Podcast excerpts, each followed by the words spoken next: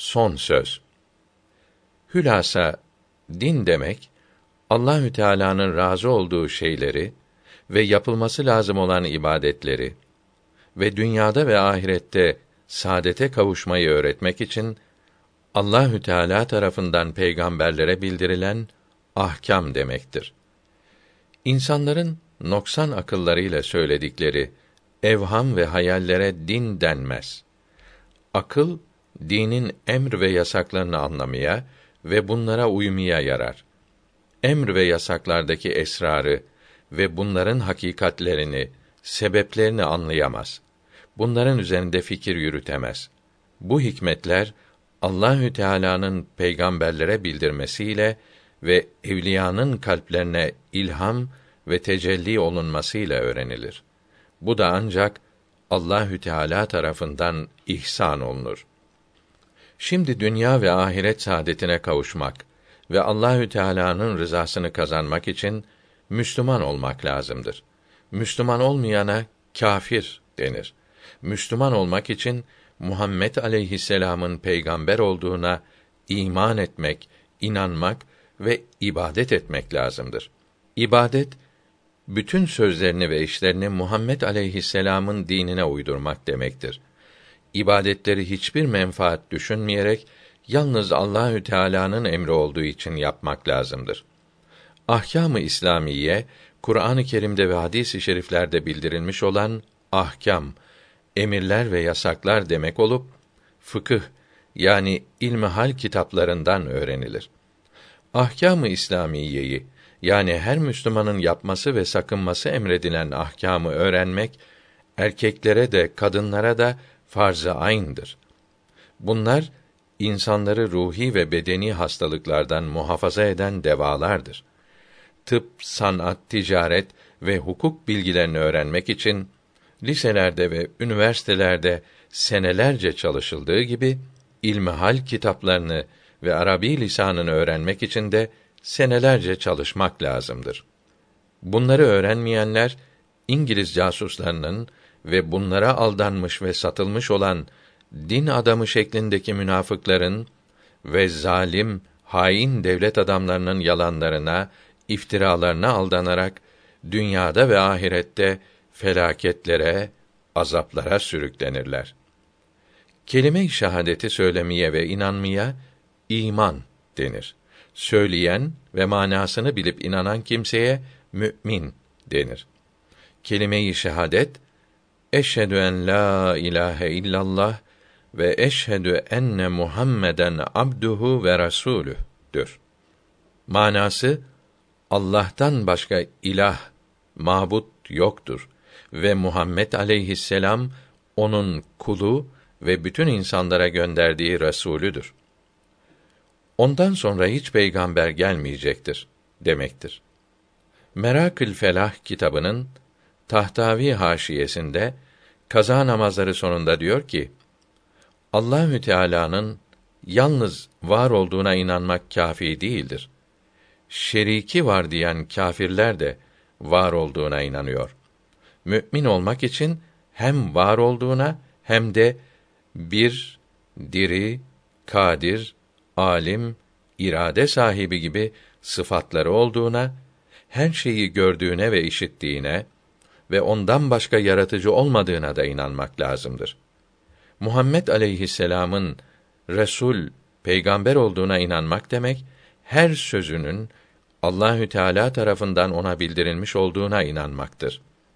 Allahü Teala İslamiyeti yani iman ve amel bilgilerini Kur'an-ı Kerim vasıtasıyla ona bildirdi.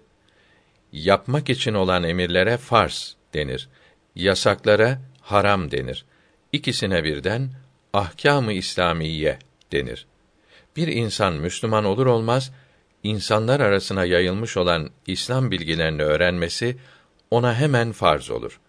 Bunları öğrenmeye ehemmiyet vermezse, öğrenmeye lüzum yok derse imanı gider, kâfir olur.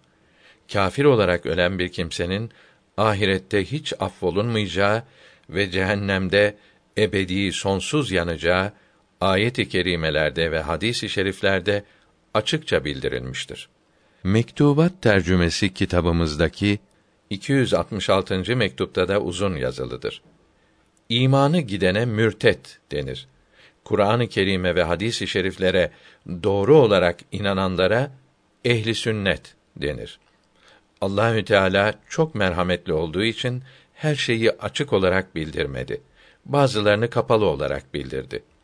Kur'an-ı Kerim'e ve hadis-i şeriflere inanıp da bazı yerlerine ehli sünnet alimlerinin bildirdikleri gibi mana vermeyenlere mezhepsiz denir.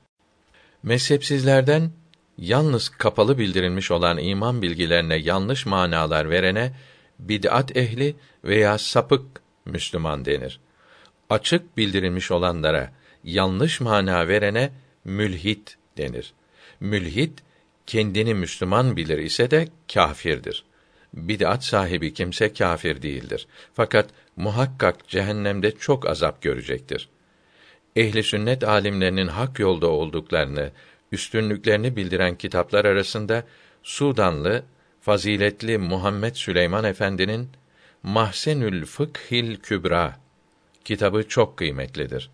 Müslüman olmadığı halde Müslüman görünerek açık bildirilmiş olan bilgilere kendi aklına, fen bilgilerine göre bozuk manalar vererek Müslümanları aldatan kâfirlere zındık denir. Ehli sünnet alimleri ahkâm-ı İslamiyenin kapalı bildirilmiş olan kısımlarından bazılarını farklı anladılar. Böylece amelde yani ahkâm-ı İslamiyeye uymakta dört ayrı mezhep meydana geldi. Bunlara Hanefi, Maliki, Şafii ve Hanbeli mezhepleri denir. Bu dört mezhebin imanları aynıdır. İbadet yapmakta biraz farklıdırlar. Birbirlerini din kardeşi bilirler. Her Müslüman dilediği mezhebi seçerek bunu taklit eder. Her işini seçtiği mezhebe göre yapar. Müslümanların dört mezhebe ayrılmaları Allahü Teala'nın rahmetidir. Müslümanlara büyük merhametidir. Bir Müslüman kendi mezhebine göre ibadet yaparken bir zahmet, bir meşakkat hasıl olursa başka bir mezhebi taklit ederek bu işi kolayca yapar. Başka mezhebi taklit edebilmek için lazım olan şartlar Saadet-i Ebediye kitabında yazılıdır. İbadetlerin en mühimi namazdır. Namaz kılanın Müslüman olduğu anlaşılır. Namaz kılmayanın Müslüman olduğu şüphelidir. Bir kimse namaza ehemmiyet verir fakat özrü olmadığı halde tembellikle terk ederse Maliki, Şafii ve Hanbeli mezheplerinde mahkemece katlonlur. Hanefi'de namaza başlayıncaya kadar hapsonlur ve acele kaza etmesi emrolunur. Dürrül Münteka ve İbn Abidin'de ve Hakikat Kitabevi'nin neşrettiği Kitabü's Salat'ta diyor ki: Beş vakit namazı özürsüz terk etmek ve vaktinde kılmamak birbirinden ayrı iki büyük günahtır. Terk ettiği için kaza etmek, vaktinde kılmadığı için hac veya tövbe etmek lazımdır. Kaza etmeyenin tövbesi zaten kabul olmaz. Her gün beş farz namazından evvel ve sonra kılınan revatip sünnetler yerine de kaza kılıp büyük günahtan kurtulmak lazımdır. Farz borcu varken hiçbir sünnetinin ve nafile namazlarının sahih olsalar bile kabul olmayacağı yani Allahü Teala'nın vaad ettiği sevaplara, faydalı şeylere kavuşamayacağı muteber kitaplarda yazılıdır. Bu yazılar Saadet-i Ebediye kitabımızda bildirilmiştir. Namazı özr ile fevt etmek, kaçırmak günah olmaz ise de kılamadığı farzları da acele kaza etmesi dört mezhepte de lazımdır. Ancak Hanefi'de nafaka temini için çalışacak zaman kadar ve revatip sünnetleri ve hadis-i şeriflerde bildirilmiş olan nafile namazları kılacak zaman kadar geciktirmesi caiz olur. Yani kazaları bu sebeplerle geciktirmemesi iyi olur.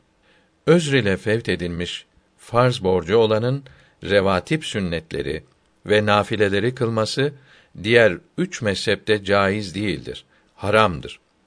Özr ile fevt edilmiş namazlar ile özürsüz terk edilmiş namazları birbiriyle karıştırmamalıdır. Aynı olmadıkları Dürrül Muhtar'da ve İbn Abidin'de ve Dürrül Müntekâ'da ve Merakül Felah'ın Tahtavi şerhinde ve Cevhere'de yazılıdır. Köyde, yolda namaz kılmak için kıble cihetini bilmek lazımdır. Bunun için güneş gören bir toprağa bir çubuk dikilir. Yahut bir ipin ucuna anahtar, taş gibi bir şey bağlanıp sarkıtılır. Takvim yaprağında yazılı kıble saati vaktinde çubuğun ipin gölgesi kıble istikametini gösterir. Gölgenin güneşe karşı tarafı kıble ciheti olur. 13 Eylül 1996 günü İstanbul'da çıkan Türkiye gazetesinde diyor ki: Batılı İslam düşmanları yeri geldiğinde kaba kuvvet ile, yeri geldiğinde çeşitli oyunlarla elde ettikleri İslam devletlerini, İslam milletlerini asırlarca sömürdüler. Bu ülkelerin yerüstü, yeraltı ne kadar servetleri varsa bunları alıp götürdüler. Ayrıca manevi yönden hem dinlerini hem de dillerini, örf ve adetlerini kaybettirdiler. Bu İslam düşmanı sömürgeci devletlerin başını İngiltere çekiyordu. İngiliz sömürgelerinin en önemlisi Hindistan idi. İngilizlere dünya hakimiyetini temin eden onun nihayetsiz tabii servetleridir. Sadece Birinci Dünya Harbi'nde İngiltere bu ülkeden bir buçuk milyon asker ve bir milyar rupye nakdi para almıştır. Bunların çoğunu Osmanlı Devleti'ni parçalamak için kullanmıştır. Barış zamanında ise İngiltere'nin muazzam sanayini yaşatan, İngiliz ekonomisini ve maliyesini takviye eden Hindistan'dır. Hindistan'ın diğer sömürgelerine nazaran çok önemli olmasının iki sebebi vardı. Birincisi, dünyayı sömürmelerine en büyük mani olarak gördükleri İslamiyetin Hindistan'da yayılması ve burada Müslümanların hakim olmasıdır. İkincisi, Hindistan'ın tabii zenginlikleridir.